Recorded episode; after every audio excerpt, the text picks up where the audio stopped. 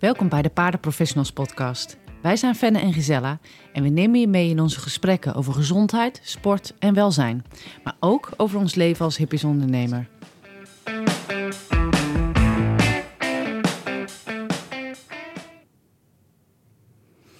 Ja, Gisella, we zitten op dit moment uh, op de faculteit diergeneeskunde.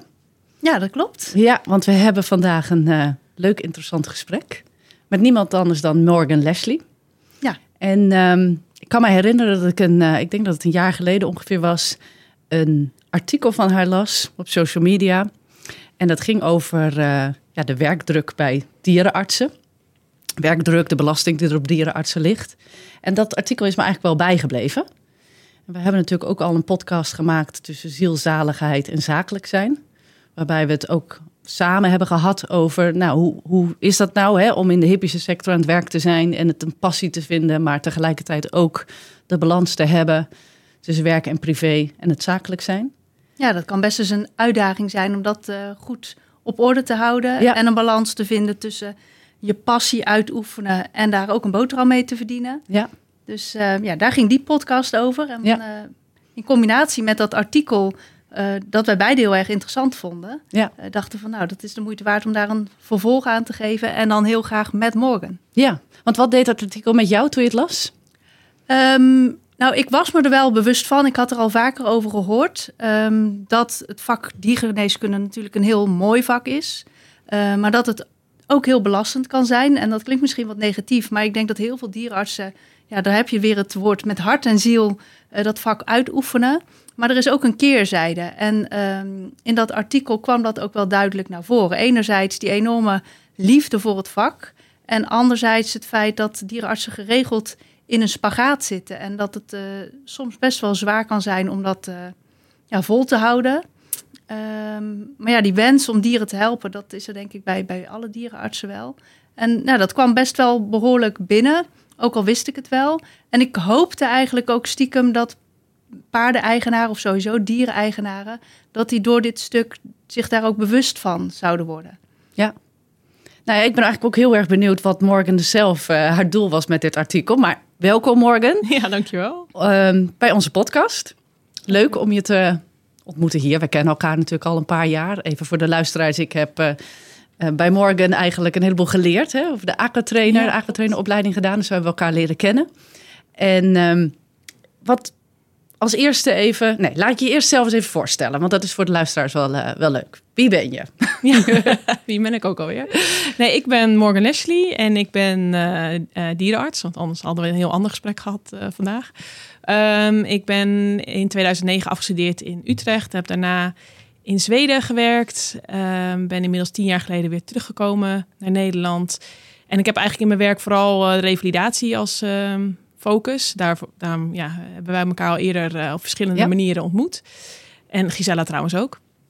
En uh, ik ben nu sinds uh, februari 2022 Europees specialist op het gebied van sportgeneeskunde en revalidatie.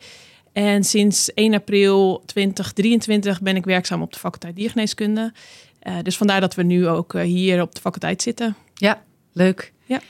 Toen je dit artikel schreef, toen werkte je nog niet hier voor uh, de faculteit volgens mij? Nee, nee, nee. Ik, ik, heb, ik werk deels ook uh, voor paardenarts.nl ja. um, uh, in de redactie. En dan schrijf ik wel eens blogs. En, en dit was een blog die ik eigenlijk... Ik heb dan niet specifiek een onderwerp waar ik over moet schrijven. Maar dit ja, kwam zo naar voren omdat je ziet best wel vaak op social media verhalen voorbij komen. Um, en dan vooral vanuit één kant belicht. Heel vaak de kant van de eigenaar.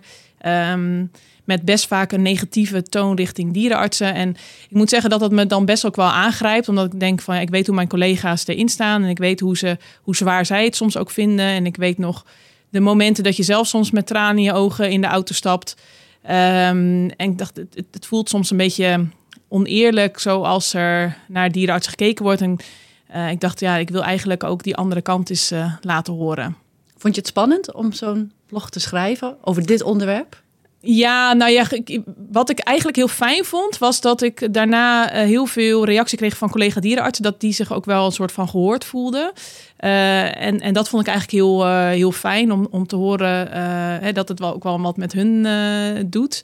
Ehm, en uiteindelijk, ik heb er geen negatieve. Op zich was het ook niet. Het was ook wel echt gewoon vanuit mijn gevoel geschreven. en kijk, daar kun je het mee eens zijn of niet mee eens zijn. Maar ook geen mensen gehoord die daar echt uh, dachten van wat een, uh, wat een onzin. In zoverre vond ik het niet spannend. Maar je, je legt wel natuurlijk een gedeelte van je ziel bloot. En uh, ja, dan kunnen mensen natuurlijk denken van nou, wat een aansteller. Maar goed, ja, ja, goed. Als mensen dat vinden, dan mogen ze dat vinden. Maar ik denk dat heel veel collega dierenartsen zich wel gehoord voelden. En dat vind ik eigenlijk dan ook wel weer fijn. Weet je, dat je dat ook een beetje kan delen met elkaar. Um, En dat, dat, dat maakt je elkaar ook alweer een beetje sterker. Ja. Ik denk ook wel dat ik dat ook heel mooi vond. Dat je eigenlijk het um, durfde te delen. Ja, dat is eigenlijk heel stom hè, dat we dat dan zeggen. Durf je dat wel? Vond je het spannend? Hè? Maar ja, dat is in de tegenwoordige tijd met social media natuurlijk wel zo. Uh, we gaan het artikel trouwens ook op social media delen. Dus jullie vinden het allemaal op onze Facebook en Instagram pagina straks. En op onze website. Dus kunnen mensen het ook even teruglezen.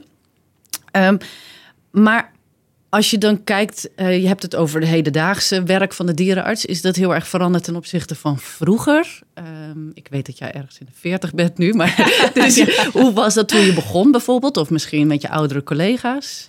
Nou, ik denk, ik denk dat zowel diergeneeskunde als geneeskunde heeft natuurlijk best wel veel ontwikkeling meegemaakt de laatste jaren. Ik denk dat als, uh, als we echt een tijdje terug gaan in de tijd, dus zeg maar toen ik begon met studeren, ja, dan was het nog vaak, uh, sowieso waren toen vaak nog mannelijke dierenartsen, waar je vaak bij zag dat de, man was de dierenarts, de vrouw was vaak uh, dierenartsassistenten, vaak ook een beetje eenmanspraktijken. Um, en die dan ook uh, vaak deel, ja, weet je, alle diersoorten wel deden.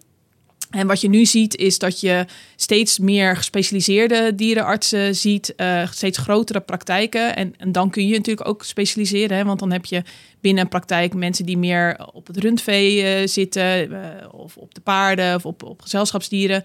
Um, en, maar daarmee ga je dan een stukje de diepte in. Dus ik denk dat in, in dat, op dat gebied zijn we wel een beetje zoals geneeskunde, dat we dieper erop ingaan. Hè. Dus niet meer alleen maar een soort als de huisarts, maar nee. ook uh, wat specialisten. Er zijn ook specialisaties bijgekomen. Ja. Um, en aan de andere kant uh, is ja, het Dr. Google-fenomeen is natuurlijk heel erg gekomen. Dat mensen steeds meer online opzoeken, wat soms ook heel behulpzaam kan zijn, maar soms ook wel eens lastig kan zijn. Want er gaat natuurlijk internet, dus je mag alles op internet plaatsen. Ja. Er zit geen limiet op. En of het nou waar is of niet waar, het wordt gewoon op internet gedeeld. En soms worden hè, artikelen gedeeld die heel populair zijn, maar niet per se berusten op wetenschap of berusten op, ja. op een waarheid. Um, en goed, dat is een hele andere discussie dan die we nu gaan hebben. Maar dat, dat zie je binnen de paardengeneeskunde ook wel eens. Hè. Ik denk uh, dat er bepaalde aandoeningen zijn waar natuurlijk ook heel veel over geschreven en, en gedaan en gesproken wordt. En heel veel mensen dat delen. Um, waar niet per se echt uh, hè, dat keiharde dingen achter staan. Maar goed, in ieder geval, dus, dus wat je nu krijgt, is dat, dat eigenaren uh, veel mondiger zijn. En ik denk ook dat de huidige generatie ook heel anders is dan vroeger. Vroeger was het toch een beetje hè, meneer de dokter, meneer de dierenarts. En nu is het gewoon, uh, hoezo uh, weet je niet wat het is? Wat een stomme dierenarts ben jij? Dan ga ik wel naar een ander. Als, hè, dat, ja. Het is natuurlijk, we, we, zijn ook wel mondiger geworden. En um, um, ja, dus er zijn verschillende factoren die over de tijd veranderd zijn. Ja. Ja. Ik denk dat er ook wel een beetje misschien nog een geromantiseerd beeld is van dierenarts zijn, uh, diergeneeskunde. Uh, misschien het beeld van uh, met je landrover op pad um, en overal dieren behandelen, een kopje koffie krijgen, inderdaad als de ja. dokter gezien worden. Ja. Dat is misschien een beetje het beeld van, ja, misschien wel van vroeger, van televisie. Ja. En misschien een beetje Dr. Paul idee, zeg maar. Ja, James Harriet was natuurlijk echt wel de, en die wordt volgens mij nog steeds wel uitgezonden, die serie. Uh, dat is natuurlijk echt een soort van het romantische beeld wat iedereen heeft. En dat is ook wel een beetje dat, dat ouderwetse beeld als in hoe het ook een aantal jaar geleden was. Hè, dat, dat, dat de man vaak de dierenarts en dan inderdaad meerdere diersoorten rondrijdt. En dat de vrouw uh, vaak de, de, de uh, assistente is en, en uh, administratie uh, doet. En, ja, dat soort dingen zijn nu, want je ziet bijna geen eenmanspraktijken meer. Nee, nee. Um, of het moet zijn dat iemand echt gespecialiseerd is. Bijvoorbeeld, ik, ik heb zelf als eenmanspraktijk gehad, omdat ik me dan op, puur op één gedeelte focus. Dat zie je nog wel eens. Hè, dat een dierenarts ja. gebitten bijvoorbeeld, of chiropractie. Of, uh, maar hè, dat ze zich dan op één ding focussen en dan een eenmanspraktijk zijn. Maar als je echt de algemene diergeneeskunde binnen de paard doet, dan is het vaker wel een grotere kliniek. Um, en het lastige is dat, dat uh, uh, juist dokter Pol is, is soms ook wel een beetje een, een angel bij, bij veel collega dierenartsen en ook wel bij mij. Omdat, uh, kijk, wat, wat dokter Pol heel goed doet, is dat je ziet dat hij, hij heeft heel veel plezier in zijn werk. Um, hij weet vrij veel over verschillende dingen. En hij um, kan het heel goed overbrengen en weet mensen heel goed aan zich te binden. Alleen wat, wat vaak een beetje de angel is voor ons, is dat. Um, uh, kijk, het is natuurlijk voor een eigenaar heel fijn als je probeert alles zo goedkoop mogelijk te doen. Alleen ik vind in. in, in, in we leven nu in 2024 als je nog steeds zonder verdoving kiezen gaat trekken of uh, bepaalde zeer pijnlijke ingrepen gaat doen bij dieren en dan zegt ja pijn is een emotie, ja dan vind je gewoon niet van deze tijd en dan weten we gewoon zeker als we het hebben over dierwelzijn, over paardenwelzijn, dat kan gewoon tegenwoordig niet meer dat je bepaalde dingen onverdoofd doet. Nee. En ik vind eigenlijk ook als eigenaar, als jij het waard vindt dat je die 15 of 20 euro uitspaart van die verdoving, ja. zodat je dan goedkoper, ja, dat, dat, dat vind ik eigenlijk niet goed te praten. Nee. Weet je dat dus. dus Um, Dr. Paul doet dingen. Um, het is een beetje het James Harriet beeld, maar dat klopt ook. Want het is eigenlijk ook nog een beetje van 40 jaar geleden. En, Uit en die tijd. En, ja, dat bedoel ik niet. Ik, ik, ik wil hem niet um, afvallen. Alleen hij heeft zich heel weinig doorontwikkeld in de manier waarop hij diergeneeskunde doet. En dus kan hij bepaalde dingen voor heel lage kosten doen. Want hij, ja, hij heeft geen nascholing hoeven te volgen. En hij heeft geen duurdere apparatuur hoeven aan te schaffen. Um, maar daarmee is het niet zeg maar zo dat wat wij doen, dat dat, hè, wat nu wordt een soort van, ja, maar dokter Pol, die kan dat voor twee tientjes. En jullie, uh, uh, als jullie bepaald onderzoek doen, dan moet het 200 euro kosten. En dan worden wij daarop aangekeken. Terwijl ik denk, ja, maar wil jij nog naar een dierenarts of naar een arts die, die eigenlijk met, met de techniek van 40 jaar geleden werkt? Of wil je zeg maar dat, dat ja. we doorontwikkelen en, en uh, meer dingen weten en dus ook de diepte in kunnen gaan? Uh, ja. ja, nou ja, dan zeg je wel het mooiste. Hè? Van, het is natuurlijk heel uh, wordt vaak gezegd, hè, de dierenarts is duur. Dus als je naar een kliniek gaat, ben je altijd veel geld kwijt, zeggen ze dan. Dat maakt het voor mensen soms ook de drempel om naar een dierenarts toe te gaan. Omdat ze eigenlijk wel weten van ja, ik ga ergens een keer een diagnose krijgen of een behandeling of iets. Als je kijkt naar het verschil tussen de humane sector, dan heb je toch de zorgverzekering. Dat is natuurlijk bij dieren, uh, de diergeneeskunde ook mogelijk. Alleen dan moet je het altijd nog zelf eerst voorschieten. Ja. En dan maar kijken wat je terugkrijgt. Dus het is ja. natuurlijk een hele andere situatie. Mensen ja. hebben niet door wat een ritje met een ambulance kost. Nee. Of even een bezoekje aan de eerste hulp. Nee. Um, en dat is bij de diergeneeskunde natuurlijk wel zo. Ja, ja en kijk, zorg is gewoon kostbaar. Ja. He, dus dat is uh, zorg, of dat nou humane zorg is, he, dus voor mensen, of dat dat nou diergeneeskundige zorg is. Zorg is kostbaar en dat is omdat er veel personeel bij komt kijken, omdat er veel apparatuur bij komt kijken er komt heel veel nascholing en bijscholing uh, bij kijken. Dus ja, dat is kostbaar. Alleen er zit een verschil tussen kostbaar en duur. Want Eens. duur, daarmee ja. zeg je eigenlijk van het is. Het kost meer dan het zou mogen kosten. Ja. Um, en, en dat is niet zo. En zeker als je het vergelijkt met de humane zorg, dan is de veterinaire zorg over het algemeen veel goedkoper. Um, en het is natuurlijk ook zo, hè, er hangt natuurlijk aan dieren hebben een heel erg emotioneel uh, uh, kaartje. En, en uh, dierenarts zijn, hè, want wat jij ook zei van dierenarts zijn heeft een beetje een, een, een, een romantisch beeld. Dus ja. ook als je het noemt op een verjaardag, doet het altijd goed hoor. Zeggen dat je dierenarts bent. Want iedereen zegt, oh, ik heb ook nog een hond. Ja, en, oh, ja dat ook. Vooral niet zeggen dat je dierenarts bent als dat soort dingen gebeuren. Maar, maar ook heel vaak dat mensen zeggen, oh, dat wilde ik vroeger ook altijd worden. Ja, en oh, wat mooi. en, het is een heel romantisch beeld. Um, maar is dat er nog steeds, het romantische beeld? Merk je bij studenten? Want je werkt nu natuurlijk heel veel met studenten op de. Uh, ja. Maar hebben ze dat romantische beeld nog steeds? Of is het wel veranderd? Ja, weten dat ze waar ze aan beginnen? Deels, ik denk dat de studenten deels wel meer weten wat, waar ze aan beginnen. Ook, uh, ja, ook om wat er over, op social media allemaal uh, rondgaat, zeg maar. Maar het grappige is dat als je op een verjaardag komt... of als je in een groep mensen komt die bijvoorbeeld geen uh, paarden hebben of, of uh, en, en je vertelt dat je dierenarts bent, dat, dat het toch nog heel vaak die reactie geeft van oh dierenarts, dat wilde ik vroeger ook altijd worden. Ja, ja dus dat, dat is blijft ook wat ze tegen mij zeggen van oh je bent altijd lekker buiten. Ja, ja totdat het regent of sneeuwt zoals vandaag. Maar weet je, het is toch altijd dat mensen inderdaad niet de echte um, weten hoe het echt in de praktijk is. En nou, dat... die, ja, die keerzijde, die ja. wordt vaak niet gezien. Want ja. dat, dat, dat hele romantische beeld wat net geschetst werd, dat is dus blijkbaar nog steeds bij een deel van de uh, diereigenaren aanwezig. Ja. Um, maar de, de, cijfers die liegen er ook niet nee. om. Hè? Dus als we kijken naar uh, het percentage dierenartsen dat ermee stopt, dat eigenlijk na relatief korte tijd zegt van nou, uh, ik, ik stop ermee, ik ga wat anders doen. Dat, dat is hoog. Ja. Um, hoe, hoe, hoe zit dat met die cijfers? Ja, dat is, dat is vrij hoog en dat stijgt ook uh, wel. Dus ik denk dat op dit moment, uh, dit is volgens mij, als ik het goed zeg, een 20, 21 of 2022 onderzoek naar gedaan. En toen zagen ze dat 1 op de 5 à 6 dierenartsen binnen vijf jaar stopt. ehm, met, eh, met praktiseren, zeg maar. Dus dat ze dan ofwel helemaal beroep uitgaan... of iets binnen de diergeneeskunde doen... waarbij ze niet praktiserend zijn. Dus niet eh, werken met diensten en echt in, in, in een dierenkliniek werken. Ehm, dus volgens mij is het uit mijn hoofd 17 eh, procent. Dus dat is echt best wel een groot... eh, Ja, dat- eh, Als je kijkt naar, naar hoe lang die studie doet en hoe Ja. intensief dat is, hoe zwaar dat is, wat voor studieschuld je opbouwt met zo'n eh, met het, eh, met zo'n studie. Ehm, waar ligt dat aan, denk jij, dat dat percentage zo hoog ligt?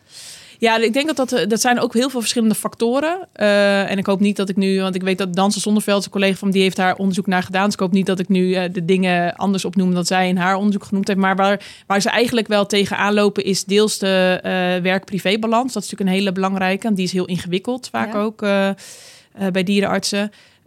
Inderdaad, de studieschuld die je opbouwt en dat in combinatie met de verdiensten. Hè, want we worden netjes betaald.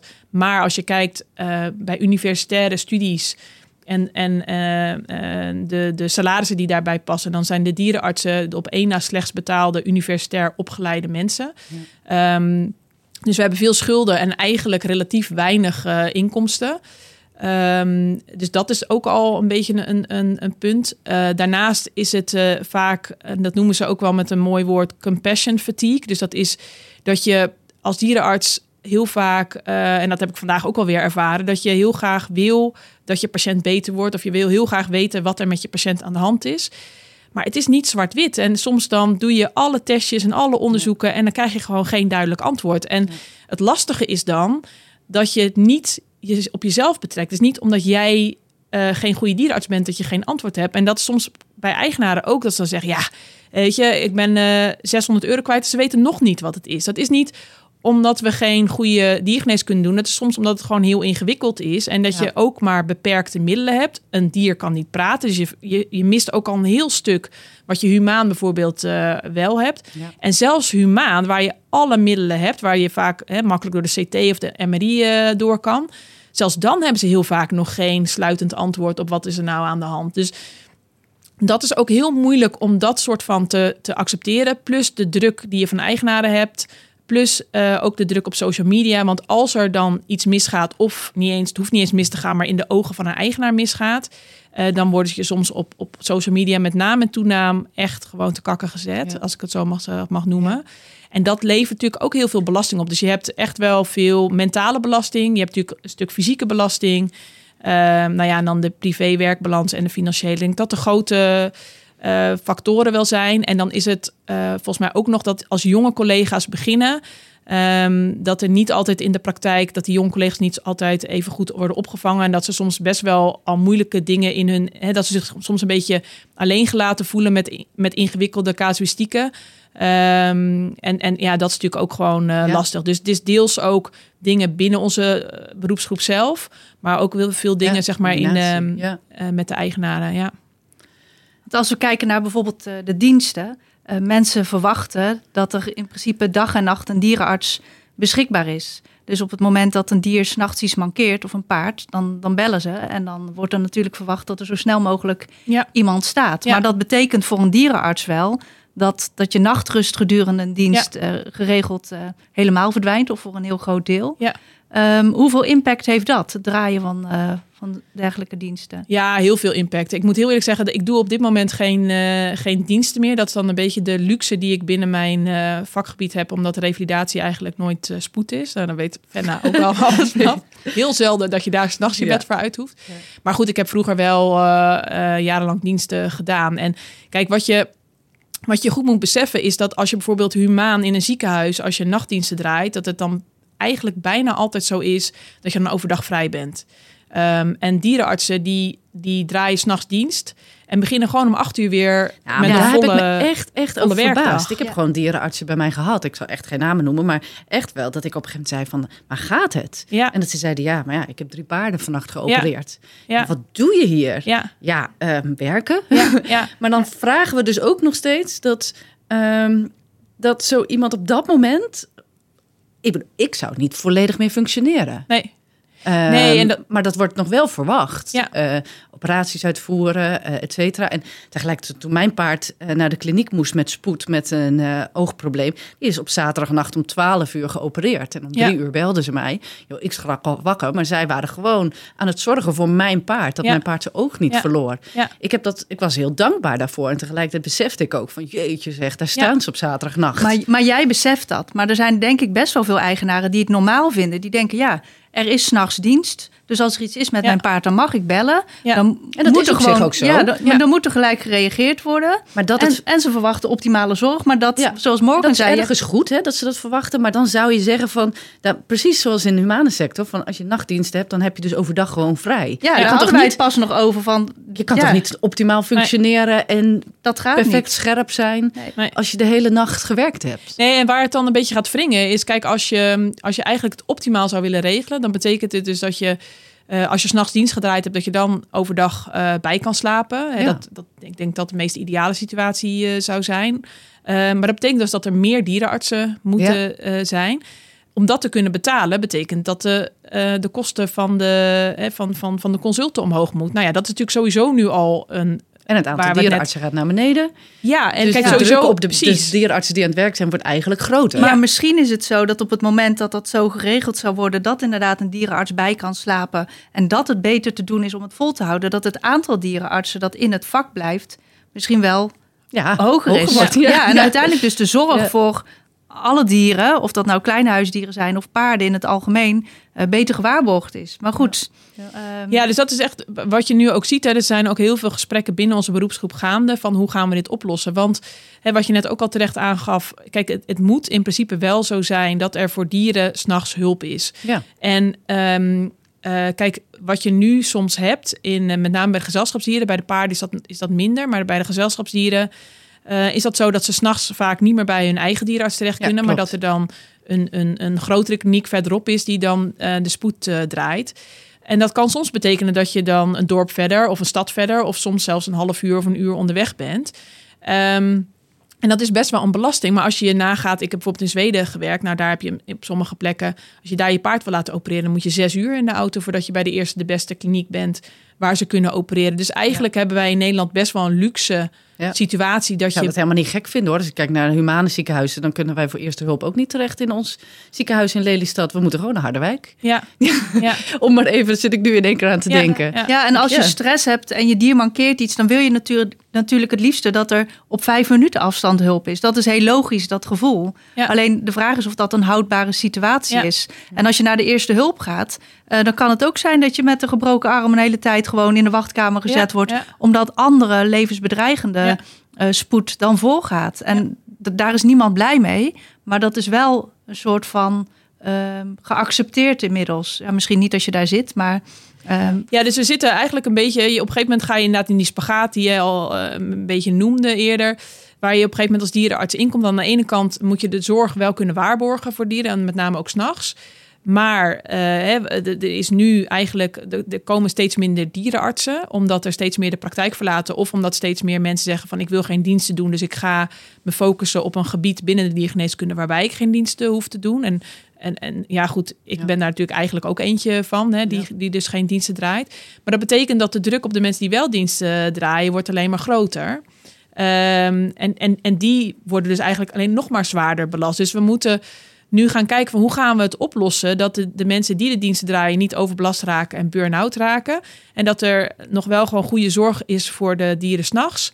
Maar ook ehm, dat we inderdaad de mensen in het beroep houden. Ja. Ja. Want dat zie je ook wel gebeuren met eh, de veel meer specialistische zorg die er steeds meer komt. Als jij je specialiseert in gebitten of in kreupelheden, dat zijn vaak ook wel de dierenartsen die op een gegeven moment- moment zeggen van ja, dat is mijn vakgebied, ik draai geen diensten meer. En dat is eigenlijk heel logisch, maar tegelijkertijd zorgt dat ervoor dat een, de andere collega's die in principe dat werk nog wel doen, eh, met minder mensen dan die zorg moeten draaien. Dus ik, Ja. ik kan me voorstellen dat dat best ergens een zorgelijke ontwikkeling is. En ik heb niet direct een oplossing daarvoor, maar Hmm. het is wel iets om als beroepsgroep over na te denken. En tegelijkertijd vind ik ook dat het goed is, en dat is ook wel een van de redenen dat ik deze podcast ook heel graag wilde maken met jullie, dat eigenaren een beetje gaan begrijpen hoe het zit inderdaad en wat er van dierenartsen allemaal verwacht wordt. En uiteindelijk een dierenarts is ook een mens. mensen, ja, ja, ja. geen Ja. robot. En Ik eh, ben met heel veel hart voor dieren. Ik bedoel, inderdaad, als je gewoon de hele nacht overslaat en dan gewoon nog gaat staan werken omdat je zo graag die dieren wil helpen. Dat zegt wel iets over de werkethiek, zeg maar, Ja. van, eh, van heel veel dierenartsen. Ja. Ja, en het is natuurlijk ook, want dat is ook ehm, nog een klein stukje wat mensen lastig vinden om te realiseren. En dat, en dat is ook een, een beetje een, een ingewikkeld punt, is dat heel veel, heel veel van ons, eh, als ik naar mezelf kijk en heel veel collega's van me, we zitten inderdaad in het vak omdat je dieren eh, wil helpen, beter wil maken, omdat je het ook heel interessant vindt om daarover alles over te leren. We zitten er absoluut niet in om rijk te worden. Dan had ik echt een ander beroep moeten kiezen. Ja. Maar het is wel een beroep. Het is geen hobby.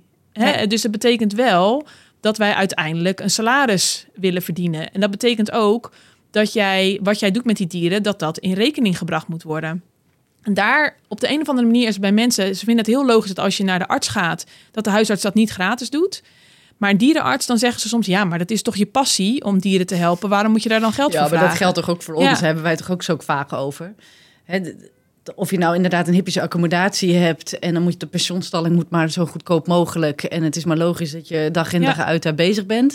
Maar als je iets doorberekent, dan is het allemaal te veel. Nou, Ja. en het is En- ook wat Morgan net zei. ehm, al die onderzoeken die je doet, ja, die moet je vaak doen. En die leveren niet altijd een eenduidig antwoord Nee. op. Het geeft altijd extra informatie. Dit is het niet, dat is het niet, dat kunnen we uitsluiten.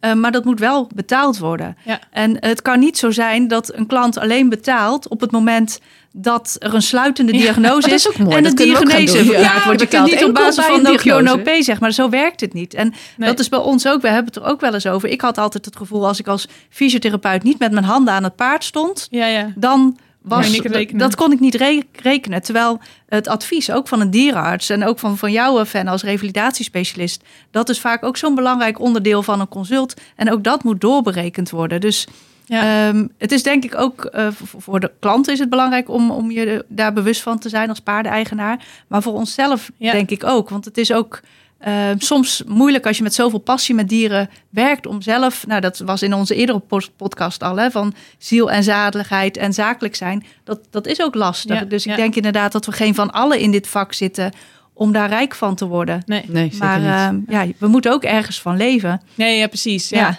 Ja, en wat, wat natuurlijk ook eh, zo is, en wat je net ook zegt met je, met je onderzoeken. Het- kijk, de dierengeneeskunde, eh, zowel bij de gezelschapsdieren als bij, de, bij het rundvee als bij de paarden, het is bijna nooit zwart-wit. Dus het, het komt maar heel zelden voor dat wij ergens aankomen, dat je naar een paard kijkt en dat je binnen vijf seconden diagnose Niet? hebt. Kijk, Ja. Ik, ik weet dat er collega's zijn die dat kunnen, ja, Morgan. ja, ja, ik ja, kan dat gewoon niet. Ja, nee. nee, maar Nee, even maar- realistisch gezien, zo werkt het niet. Nee, kijk, Nee. bijvoorbeeld, ik bedoel, een schimmel, hè, dat is bijvoorbeeld heel typisch. Dan zie je soms wel zo'n zo'n mooie ronde plek op een neus. En denk ik, nou, schimmel, het schimmel niet wel. van de kleur van het Nee, paard, nee, maar de huidaandoening. De, de nee. huidaandoening, inderdaad.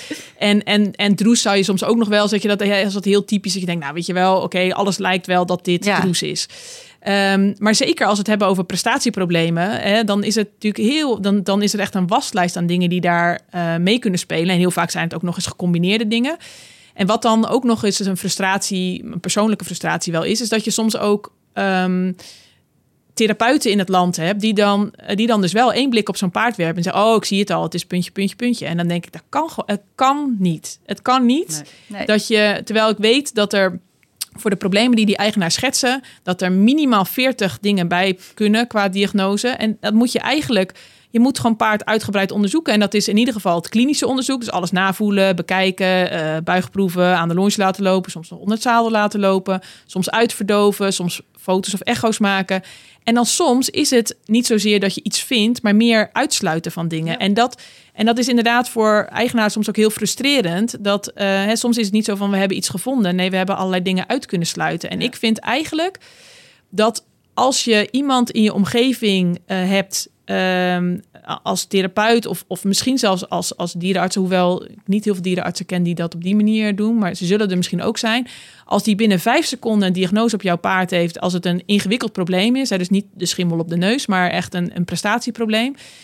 Van mij mag je dan wel een klein beetje argwanend zijn, want het, het, kan, het kan bijna niet. Dat je binnen vijf seconden, het, het komt heel zelden voor dat iets zo ehm, specifiek beeld heeft dat je dat binnen vijf seconden weet.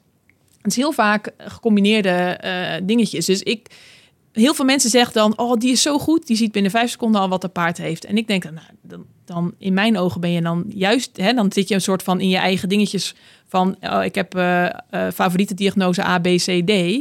Uh, en die soort multiple choice. Ja, ja. Uh, en, en er zijn natuurlijk ook vaak uh, termen die je tegenwoordig kan noemen waar je een soort van alles onder kan scharen. En dat, uh, dus ik, ik, ja, weet je, ik vind het al dat dan ook, en dat, dat voelt dan een beetje, ja, mijn dierenarts heeft uh, twee dagen onderzoek gedaan, die wist het niet. Maar toen liet ik Pietje Puk komen en die zag binnen ja. vijf seconden al wat het was. Ja. ja. En dan denk ik, ja. en dan, dan wordt dan echt een beetje afgeschild van de dierenarts weet het niet, maar Pietje Puk wist het wel. Terwijl eigenlijk denk ik, ja, eigenlijk zou je argwanend moeten zijn. Hoe... Dan voel je dus niet serieus genomen als dierenarts Nee, dat, nee dat sowieso niet. Maar nee. ik denk ook, ik nee. denk ook dat het goed is voor mensen om te realiseren dat er echt maar, ik denk dat er maar een handjevol problemen in de, genees, of in, de, in de gezondheid van paarden zijn die je met vijf seconden kan diagnosticeren. Ja. Dat ja. is echt wat ik net noem als zo'n schimmel of, of droes misschien dat je dat.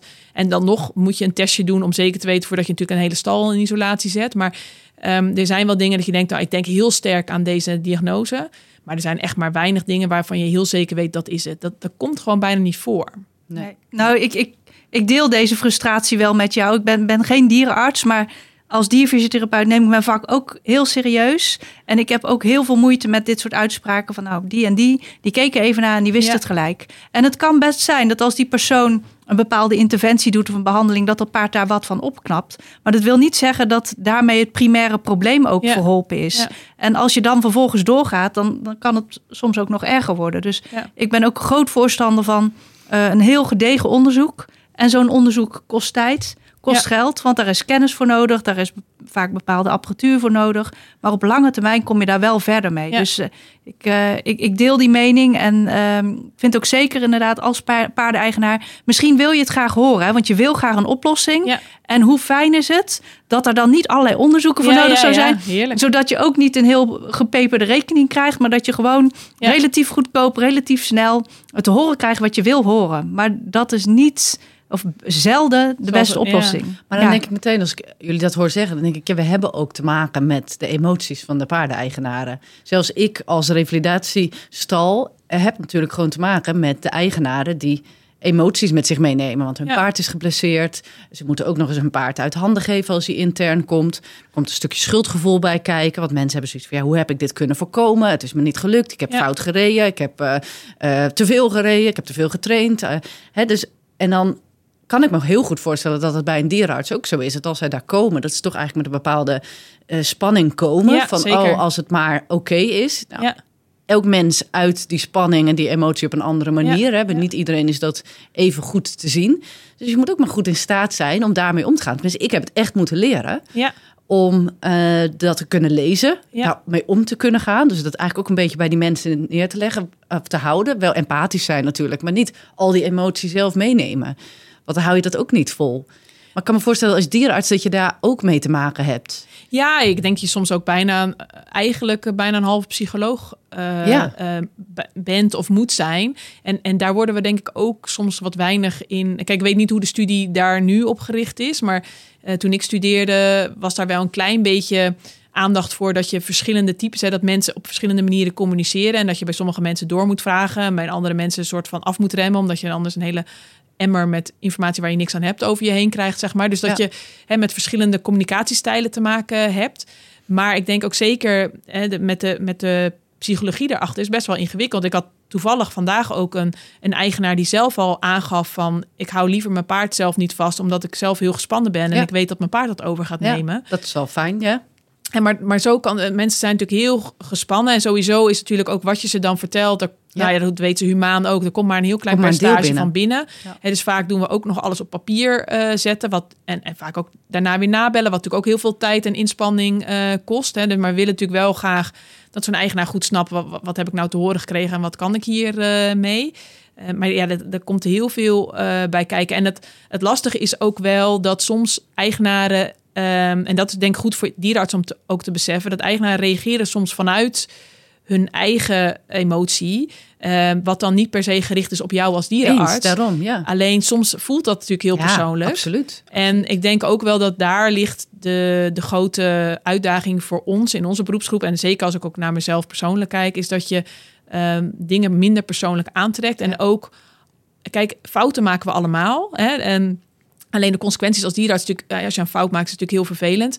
Ehm, maar als jij een fout maakt, dan gaat dat over jouw functioneren als dierenarts en niet over jou als mens. Ja, maar dat is een lastig hoor. ja. En, maar dat is natuurlijk, en, en ik denk dat daar ook, ehm, hè, waar je ook bijvoorbeeld ziet dat, dat in, in deels in Nederland, maar vooral in Amerika bijvoorbeeld heel veel zelfmoorden eh, zijn onder dierenartsen, is dat ook een stukje. Hè, dat, ben dat ik schuldgevoel. geschrokken. Ik had het al een keer ehm, eerder gehoord. Ja, Dat ik echt denk, jeetje zeg. En, en Ja. dat- natuurlijk is een Amerikaans onderzoek, maar dat zegt Ja. wel wat. Ja, en deels eh, liggen daar soms hè, dat er inderdaad dingen fout gaan zijn, maar soms ook niet eens. Hè. Soms is het bijvoorbeeld dat een eigenaar het ziet als dat er iets misgegaan is, maar dat het. eh, kijk, je kan soms alles voor elkaar eh, proberen te krijgen om zo'n dier beter te laten worden, maar uiteindelijk is het het lichaam van het dier wat het op moet pakken. Eens. En als dat het niet oppakt, ja, dan heb je soms geen genezing. En dat voelt dan heel frustrerend, want je hebt er alles. En zelfs juist eigenlijk bij die dieren waar je alles aan doet en het, en het niet lukt, dat voelt voor jou als behandelaar ook heel frustrerend.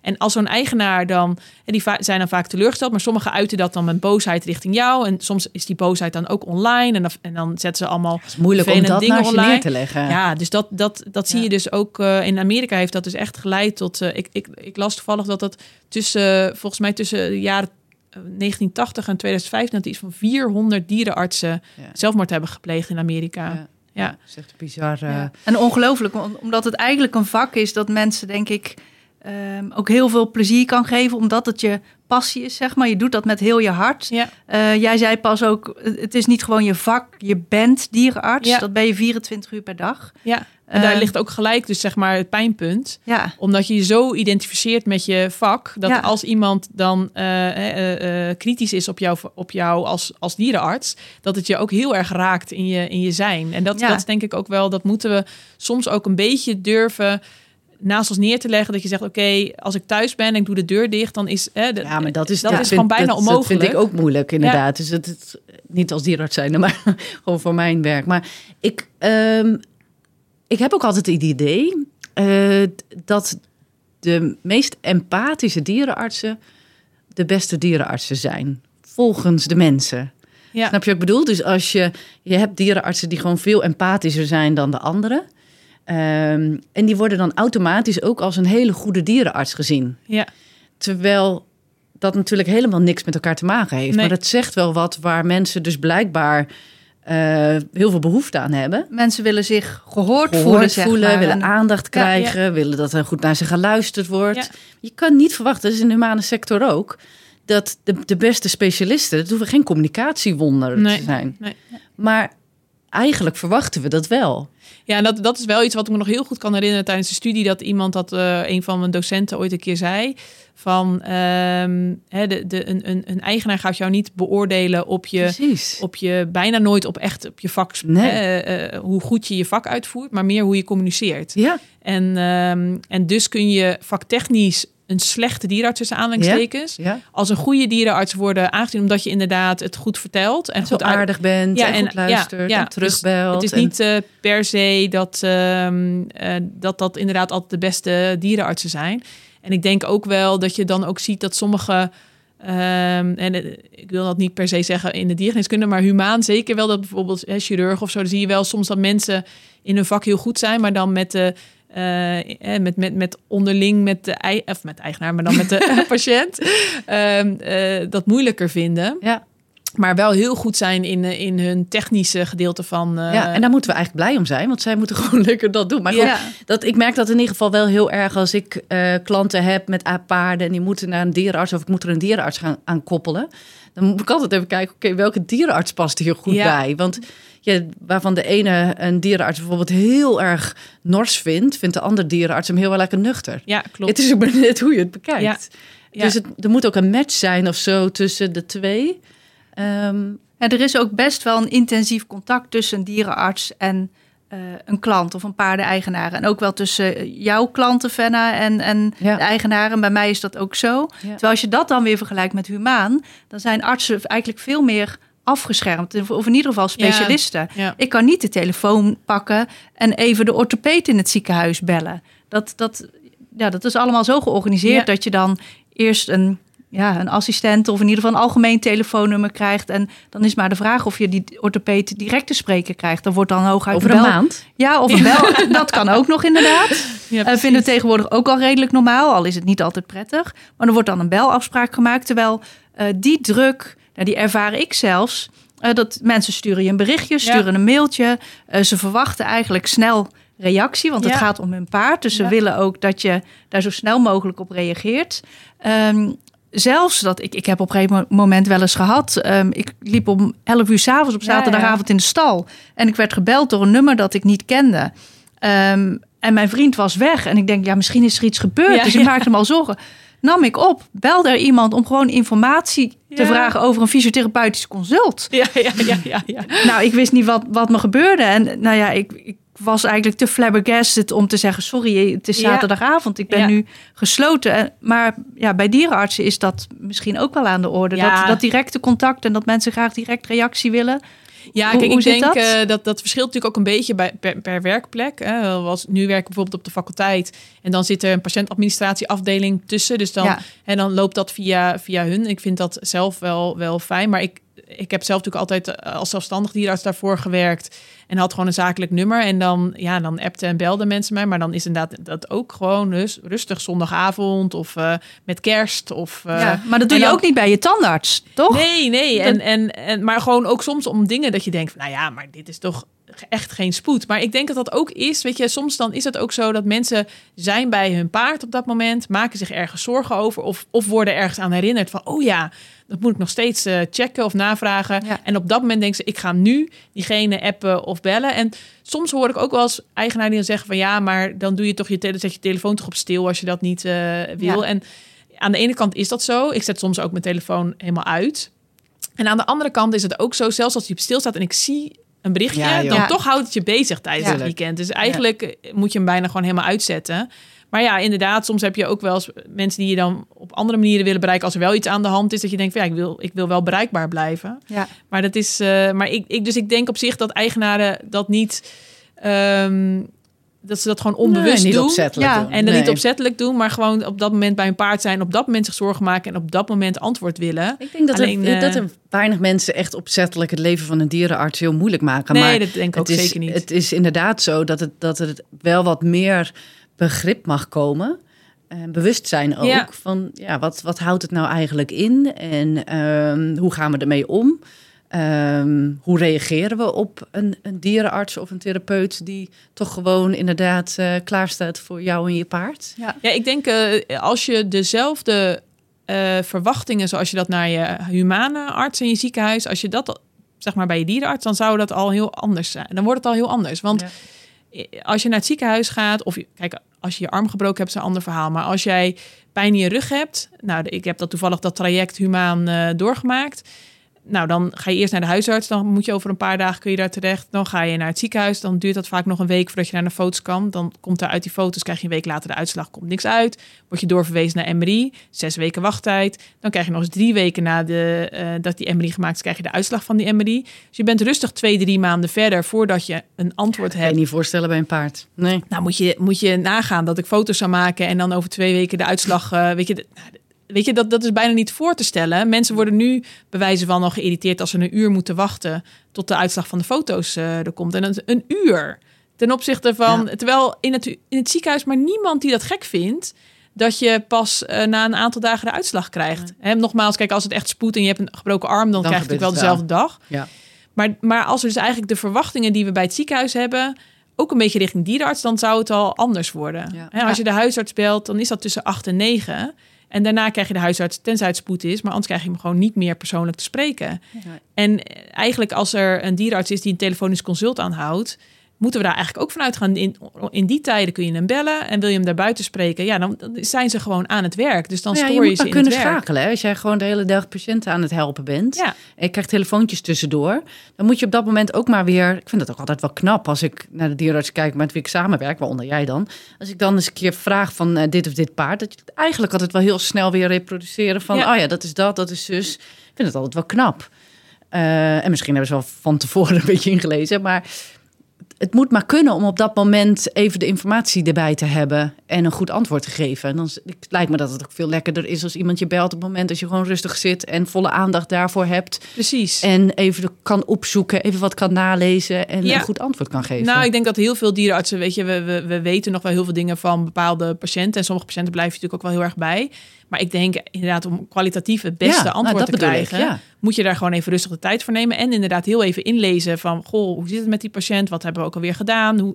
En dan kun je eigenlijk denk ik het beste antwoord geven. Dus Ja. uiteindelijk is het ook richting een eigenaar het beste om, om dat gewoon op, op hè, afgesproken momenten te doen. En niet inderdaad tussen neus en lippen door. Want dan krijg je Nee. soms ook een beetje tussen neus en lippen door antwoord. Ja. ja. Ja, Ja, en als het gaat om verwachtingen van eh, paardeneigenaren ten opzichte van een dierenarts, dan is het denk ik ook goed om je te realiseren dat een dierenarts die zes, zeven jaar opleiding achter de rug heeft, die heeft natuurlijk eh, ja, veel gestudeerd, die weet heel veel, maar die weet niet alles. Die heeft eigenlijk Ja. een soort van de functie van een huisarts. Ja. Eh, dus dan is het ook niet gek dat als die dierenarts jouw paard bekeken heeft, dat hij er soms of geregeld voor zou moeten kiezen om dat paard door te verwijzen Ja. naar een orthopedisch specialist of misschien iemand die ehm, meer eh, zich gespecialiseerd heeft in inwendige geneeskunde. Ja. Dus dat is ook nog goed om je te realiseren dat er is niet zomaar eh, de dierenarts, zeg maar, Die alles Nee. weet. die alles weet. Nee, je kunt niet alles weten, zelfs niet als je hebt gespecialiseerd. Ehm, en doorverwijzen, ik vind dat nooit een zwakte. Ik vind dat altijd een kracht. Als Ja, je kunt zeggen, ja, bij die precies. collega kan jij, jij en dus jouw paard nog veel beter Ja. geholpen worden. Ja, en dat, dat wilde ik ook net echt zeggen. Ik vind dat ook eigenlijk een kracht. Dat is de Ja. kracht, ja. En dat, eh, en dat moet je ook leren als, eh, als dierenarts. En het is ook een beetje wat jij eerder al zei, Fenna, van... En je hebt natuurlijk verschillende eigenaren... En, en verschillende eigenaren passen ook een beetje bij verschillende dierenartsen. Sommige dierenartsen eh, die houden het liever onder, onder hun eigen eh, paraplu. En die, sommige dierenartsen zijn iets meer zwart-wit in hun communicatie. En sommige eigenaren vinden het ook heel fijn. En sommige eigenaren vinden het vervelend als ze dan weer naar iemand anders toe moeten. Dus het ligt ook een beetje per situatie verschillend. Maar ik vind het persoonlijk heel sterk als je, als je aangeeft... hier houdt mijn kennis een Ja. beetje op. Ja. En ga ik eh, iemand anders eh, raadplegen. Is Want ik denk dat kracht. niemand weet van alles. Eh, eh, alles. Ja. Dat kan ook helemaal niet. En eh, ik denk zelfs, weet je wel, als huisarts is dat ook zo. Weet je, dat je op een gegeven moment mensen doorverwijst voor verschillende dingen. Ik merk dat zelf ook, hè, dat ik ben dan een beetje de diepte ingegaan op één gebied. Maar je krijgt best wel vaak dat je dan voor een patiënt staat en dat je dan een vraag krijgt over, oh, hij heeft ook een bepaald huidprobleem. En dan denk ik, ja, ja, ja, nou gelukkig, nu je dat op de faculteit werkt, dan kun je bij wijze van letterlijk de hoek om en even naar je collega's lopen die daar meer over weten en, en, en informatie inwinnen. Eh, maar je wil zo iemand wel helpen en meedenken. Maar ik denk, ja, maar dat is niet mijn gebied, zeg maar. Nee. Weet je? Dus dat, dat, dan moet ik eigenlijk echt even weer met een collega overleggen van, goh, hoe pakken we dat op? Ja, Ja. en dat is ook geen onwil. Hè? Dat is alleen. Nee. Nee, maar ik eh, denk dat wij de dat best- ook wel hebben. Als ko- bij mij komen voor een aangetrainer, dan wordt, krijg ik ook vragen. Dat ik zeg, nou, eh, ik ben geen dierenarts. ik ga hier ja. Ook alsjeblieft niet een antwoord op geven, want ik weet dat helemaal niet. Nee, Weet je maar wat ze- Fenna net al zei, dat stukje communicatie is zo belangrijk. En eigenlijk al vooraf. Dus voordat je überhaupt bij een klant komt, dat ze weten ehm, hoe je werkt, ehm, wat, welk stukje jij wel aanpakt, voor welk stukje je eventueel doorverwijst. Dat die verwachtingen vooraf eigenlijk Ja. al zo goed mogelijk gemanaged zijn, om dat zo maar eventjes te noemen. Dan voorkom je teleurstellingen. En dan nog heb je te maken met emoties. Dan nog heb je te maken met dat het eh, veel geld kan kosten. En dat wil overigens dus niet zeggen, zoals jij net terecht zei, te Morgan, dat het te duur is. Want dat kost het nou eenmaal vaak gewoon. En dan zijn, liggen de tarieven eigenlijk veterinair al helemaal niet zo hoog. Maar ehm, ja, dat stuk communicatie is gewoon heel erg belangrijk. Ja, eens. Ehm, waar ik net aan dacht, dacht hoe, hoe zie jij de toekomst van diergeneeskunde? Want er, er komt een hele nieuwe generatie Ja. aan, zeg maar. Denk je dat er dingen veranderen? Eh, zie jij dingen veranderen? Ja, kijk, er moeten sowieso dingen veranderen. En, eh, en dat gaat, denk ik, goed wils of kwaad wils gebeuren. Want wat je nu, en dat merk ik wel, nu dat ik veel met studenten werk, ja, de, de nieuwe generatie is wel anders. Ik denk dat mijn generatie is al een beetje een tussengeneratie. Dus de generatie voor ons was wel echt letterlijk een beetje werken tot je erbij neervalt. En dat, daar zag je toch wel vaak dat als die mensen met pensioen gingen, dat dan niet heel veel later, hè, dat ze letterlijk doodvielen, een soort van. Ehm, ik denk dat mijn generatie al een beetje is van, eh, goh, eh, ja, we zouden wel graag een privé-werkbalans willen, maar dat het nog een beetje ingewikkeld is. Hoe gaan we dat dan, eh, hè, hoe gaan we dat dan realiseren? En de generatie die nu aan het studeren is, die is hoezo privé-werkbalans? Privé is één en, en werk is twee, zeg Ja. maar. En dat is natuurlijk altijd een beetje andersom geweest. En het grappige wat ik bij mezelf merk, is dat ik soms ehm, dat je dat een beetje frustreert. Want dat je dan denkt, uh, hè, dan, de studenten zijn er in principe tot half vijf. Nou, dan zijn ze soms klokslag half vijf uh, weg. En ik, nou, weet je, die, die patiënt is nog helemaal niet klaar. Hoezo ben je dan al weg? Weet je, dan ben je een beetje gefrustreerd. En aan de andere kant denk ik, uh, ja, weet je, het is ook wel goed dat ze hun eigen grenzen bewaken. Want uh, stiekem werken wij elke dag over. Hè? We werken tot half vijf. Nou, ik ken bijna geen enkele collega die om half vijf uh, naar huis gaat. En ik denk dat in het, in het werkveld dat precies hetzelfde is. We werken standaard allemaal over. En dat vinden we ook een soort van normaal. Maar eigenlijk is dat helemaal niet normaal. Dus als iemand zegt van, hé, hey, maar ik werk tot half vijf en dus wil ik om half vijf naar huis. Dat je dat dat je dat dan frustreert. denk ik, ja, maar dat is eigenlijk gek. Want maar eigenlijk is het zo. Die cultuur moet eigenlijk een beetje doorbroken worden ergens. En misschien gaat die generatie dat wel doen. Maar ja, dat weet... moet wel, want anders stoppen ze er allemaal mee. Dat is, want dat ja. is, hè, want uh, het is nu ook zo van. Uh, kijk, er zitten natuurlijk wel een paar tussen die, die misschien anders zijn. Maar de anderen die zeggen van ja, maar ik wil ook gewoon een normaal leven kunnen hebben. Uh, en als dat niet kan binnen de diergeneeskunde, dan ga ik wel wat anders doen. Het is natuurlijk ook niet zo dat je verplicht bent om dierenarts te blijven als je dat gestudeerd uh, hebt. Nee, dus nee, nee. we moeten veranderen, want anders houden we geen dierenartsen over. En dat is denk ik voor iedereen ook belangrijk om te beseffen dat om s'nachts die zorg te kunnen blijven leveren, moeten er genoeg dierenartsen zijn. En is het wel echt een beetje 2 voor 12 voor iedereen, hè, voor wel eigenaren, maar ook voor ons als beroepsgroep, om dingen te veranderen, zodat we de dierenartsen uh, binnenboord houden. Want anders hebben we gewoon echt een probleem. Om dat even positief. Ja, ik ben inderdaad. We zijn, we zijn er even stil van. Nee, maar ik, ik, ja, je, hebt, je hebt helemaal gelijk, denk ik. En ja. het is, je, je beschrijft het heel duidelijk. En ja, ook met, ik, ik voel de urgentie ook bij jou, ja. dat je denkt, dit moet veranderen. En ja, dus zeker na dit hele verhaal kan ik eigenlijk niet anders dan het daarmee eens zijn. Want die ligt... zorg die blijft nodig. En er ligt een verantwoordelijkheid bij de sector zelf, precies wat je aangeeft. Ja. Maar er ligt ook, nou ja, verantwoordelijkheid of er is ook vraag aan de diereigenaren van uh, dat er begrip komt. Uh, daarom is het heel goed dat je dingen bent gaan delen. Daarom maken we ook deze podcast. Ja. Uh, dus laten we hopen dat we iets in gang zetten. het geldt niet alleen maar voor de dierenartsen. Het zijn ook nog andere. Ja, ja het is een beetje inherent aan deze sector. Inherent eigenlijk wel aan de Grooms, sector. Ook pensioenstal-eigenaren. Er Trainers. is bijna niemand die ja. Het houdt bij 40 uur, zeg maar, als nee. je full, fulltime werkt. Nee. Um, maar goed, met, met alle nachtdiensten, met, met alles wat je net hebt genoemd, denk ik dat, dat we zeker ook uh, ja, de situatie van de dierenartsen serieus ja. mogen nemen. En dat het alleen al heel veel zou schelen, denk ik, als heel veel eigenaren dat een klein beetje zien. Wat er allemaal bij komt kijken en met, met hoeveel passie en hoeveel uh, empathie een, een, dierenarts dag in dag uit voor, uh, voor eigenaren aan hun paarden klaarstaat. Ja, ja. eens. Dus uh, Dank je wel voor dit openhartige gesprek. Ja, graag gedaan. En uh, het delen van je ervaringen. En ja, mo ja, mooi om terug te keren. Het is een beetje gek, want het is ook wel weer uh, toch wel een beetje een beladen onderwerp. Er zijn wel wat uh, cijfers ja. naar voren gekomen waar ik een klein beetje van geschrokken ben. Nou, ik zeker. ben nog steeds heel blij dat ja. ik een beroep gekozen heb, hoor. Dus nou, dat, dat, dat, is een hele mooie conclusie. Wel, ik zocht eventjes naar een soort happy ending. Ja, van, nee, ik moet wel zeggen, het blijft wel absoluut het mooiste beroep. Alleen uh, zitten, er zitten absoluut wel, ja. het romantische beeld klopt niet. Maar het blijft af, absoluut nog een supermooi uh, beroep. En ik denk dat ook heel veel, ik hoop ook dat heel veel jonge mensen dat nog steeds zien. En nog steeds heel veel mensen dierenarts willen worden. Ja. En ik denk dat als we gewoon met z'n allen zorgen dat we het gewoon wat beter kaderen, dan kunnen we nog jarenlang van onze dierenartsen genieten. Ja. Ja. ja. en de dierenartsen zelf kunnen dan ook, ook een beetje genieten. Blijven genieten van, van hun mooie vak. Ja. Ja, nee, dankjewel Morgan. Het was, uh, was een heel mooi gesprek uh, en de passie klinkt erin door. Eens. En uh, nou, dankjewel. Graag gedaan. Bedankt voor het luisteren naar onze podcast. Je kan ons volgen op Instagram en Facebook onder Fenna en Gisella.